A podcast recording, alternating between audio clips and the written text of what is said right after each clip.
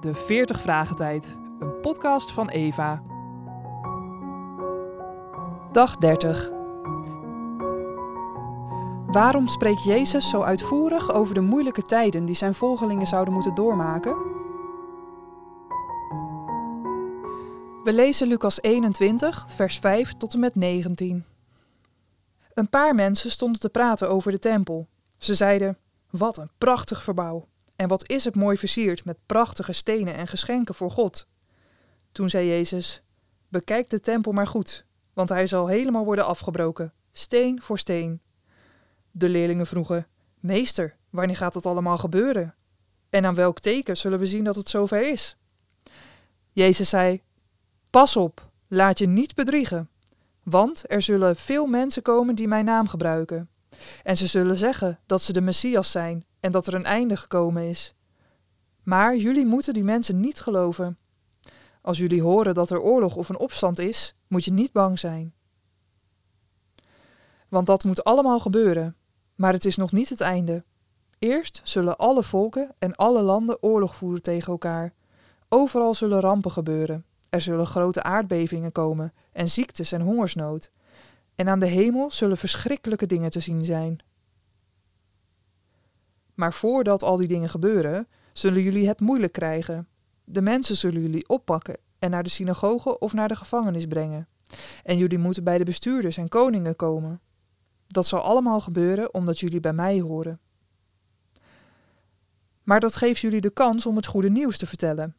Ga niet van tevoren bedenken wat je moet zeggen. Doe dat niet, want ik zal jullie wijze woorden geven, waarmee je al je tegenstanders kunt overtuigen. Ze zullen niets meer weten te zeggen. Iedereen zal jullie behandelen als vijanden, omdat je bij mij hoort. Zelfs je ouders kun je niet meer vertrouwen, en andere familieleden of vrienden ook niet. Sommige van jullie worden door hen aangegeven om gedood te worden. Maar je hoeft niet bang te zijn, want als je volhoudt tot het einde, zul je gered worden. Waarom spreekt Jezus zo uitvoerig over de moeilijke tijden die zijn volgelingen zouden moeten doormaken? Het antwoord. De arme weduwe had geofferd voor het onderhoud van de tempel. Anderen spreken over de schoonheid van het bouwwerk. Jezus zegt echter dat heel die tempel geen steen op de andere gelaten zou worden. Precies veertig jaar later is dat in vervulling gegaan, toen de Romeinen de stad en de tempel verwoesten. Vanaf vers 20 gaat Jezus daar dieper op in. Maar eerst beschrijft hij wat zijn volgelingen te wachten stond. Er zouden valse messiassen opstaan. Er zouden oorlogen, aardbevingen, hongersnoden en epidemische ziekten voorkomen. Voor zijn volgelingen heeft hij echter een bijzondere boodschap, die niet voor de wereldlingen gold. Omwille van de naam van Jezus zouden zijn volgelingen gevangen worden genomen, in gevangenissen geworpen worden en aan aardse rechten worden voorgeleid. Ja, zij zouden zelfs door hun eigen familieleden verraden worden en omwille van de naam van Jezus door alle mensen worden gehaat. Maar God zal hen bewaren. Zij zelf zouden door in het geloof te volharden hun leven redden. Wat bedoelt Jezus hiermee?